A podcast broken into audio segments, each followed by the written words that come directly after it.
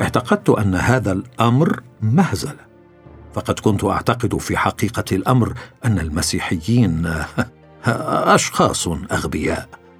كنت قد تعرفت إلى بعضهم وكنت أنتظر الواحد منهم حتى يتكلم لأمزقه إربا بالنقد والتجريح وأوجه اللكمات القوية لأي أستاذ يبدو مهزوزا في إيمانه. كنت أتخيل أنه لو كان للمسيحي المؤمن خاليه دماغية فإنها ستموت من الوحدة.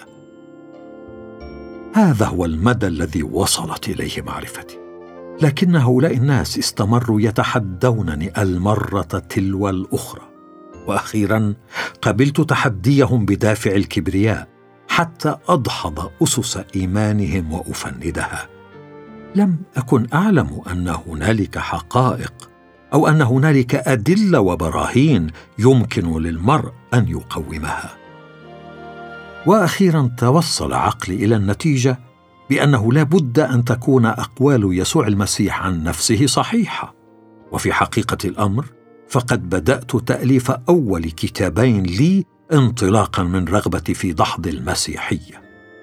وعندما فشلت في ذلك انتهى بي الأمر إلى أن أصبح مسيحيا مؤمنا.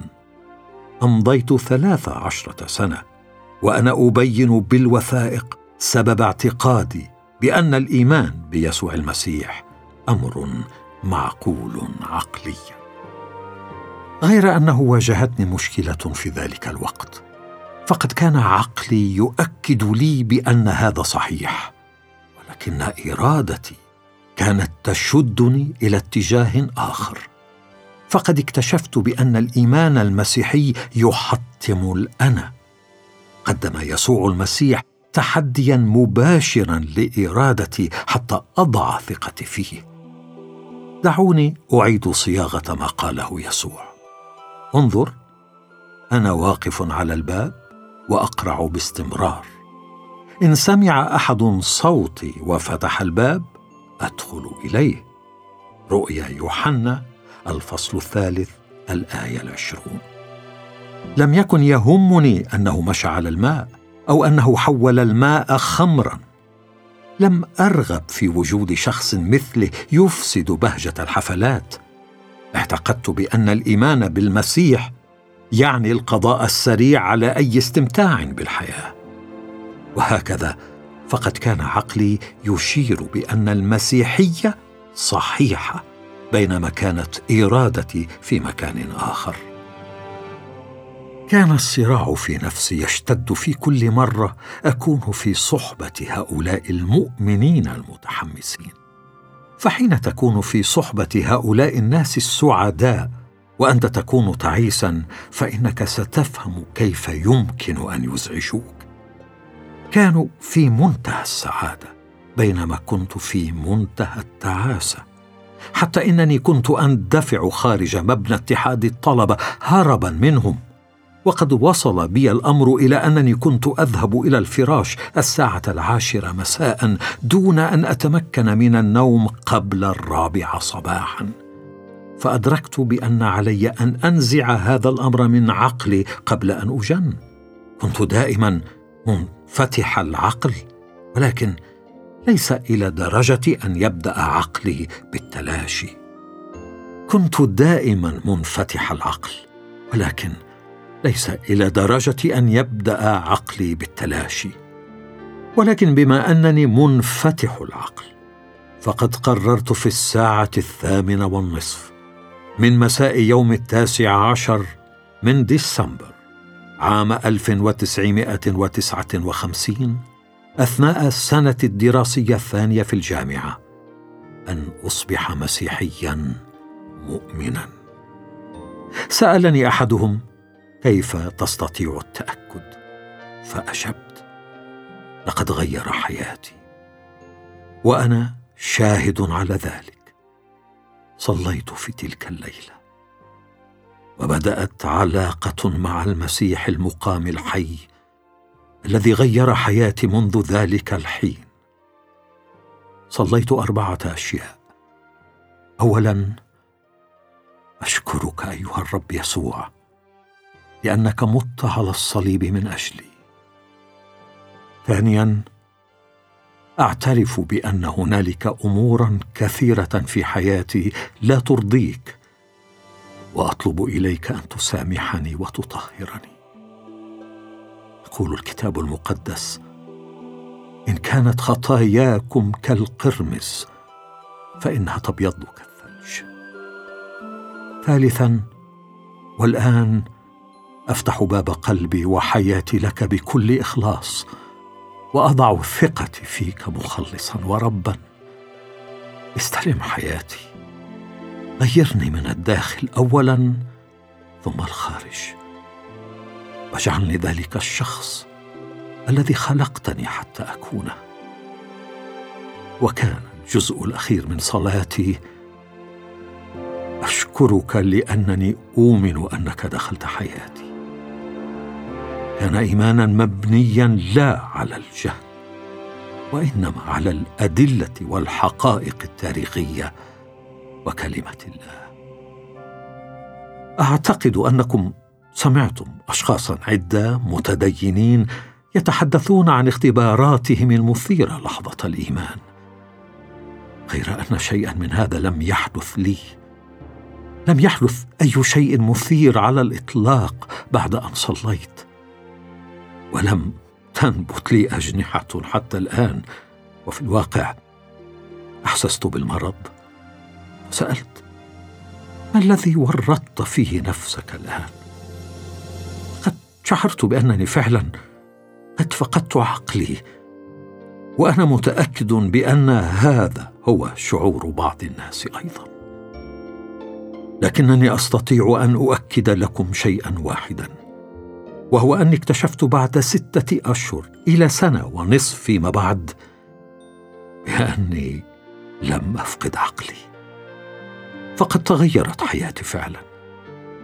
اشتركت في حوار مع رئيس قسم التاريخ في إحدى الجامعات وقلت خلاله بأن حياتي تغيرت.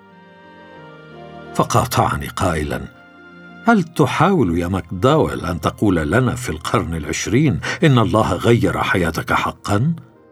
حدثنا عن النواحي التي غيرها. بدأت أشرح لمدة خمس وأربعين دقيقة عن بعض هذه النواحي. فقطعني قائلا حسنا هذا كاف. كانت إحدى النواحي التي حدثته عنها قلقي المستمر. كان لابد لي أن أشغل نفسي دائما فأذهب إلى بيت صديقتي أو أذهب لأشغل نفسي في إيه جلسات وأحاديث. كنت أمشي في الحرم الجامعي والصراعات تدور في عقلي كدوامة تتقاذفني من حائط لآخر. كنت أجلس محاولا أن أدرس أو أفكر دون جدوى لكن بعد أشهر عدة من إيماني بالمسيح صار لدي نوع من السلام العقلي وأرجو هنا ألا يساء فهمي. فأنا لا أتحدث هنا عن غياب الصراع.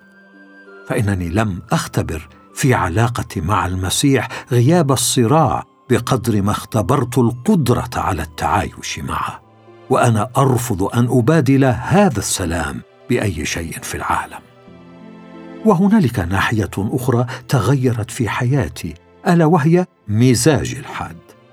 كنت أنفجر إذا حاول أحدهم أن يهزأ بي. وما زلت أحمل في جسدي آثار جراح حين كنت على وشك قتل شخص عندما كنت في سنة الجامعية الأولى.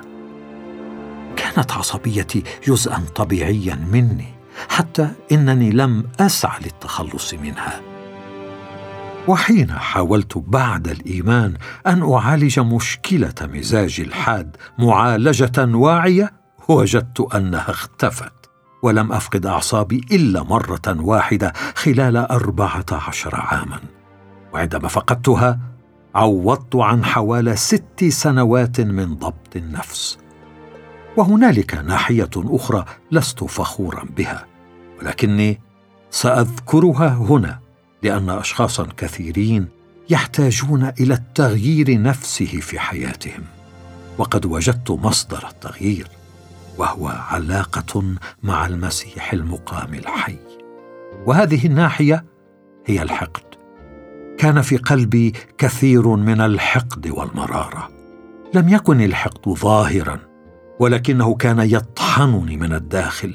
كنت أضيق ذرعا بالناس والأشياء والقضايا فقد كنت أفتقد للإحساس بالأمان كأشخاص كثيرين غيري. ولهذا كان كل شخص مختلف عني أقابله يشكل تهديدا لي. لكني كرهت أبي أكثر مما كرهت أي إنسان آخر. كرهته بقوة. كان بالنسبة لي سكير البلده وحين يكون أحد والديك سكيرا في بلدة صغيرة فإنه سيكون حديث البلده كان أصدقائي يأتون إلى المدرسة الثانوية ويطلقون النكات حول والدي. لم يعتقدوا بأن نكاتهم تزعجني. فقد كنت أضحك من الخارج لكني كنت أبكي من الداخل. أساء والدي معامله أمي.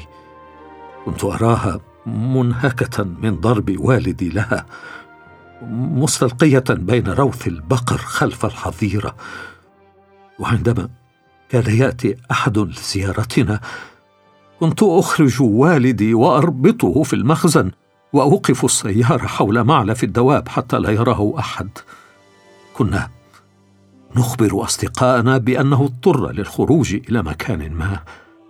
ولا أعتقد أن أحدا يمكن أن يكره والده كما كرهته بعد أن قبلت يسوع مخلصا ربما بعد خمسة شهور دخل قلبي حب إلهي من خلال يسوع المسيح.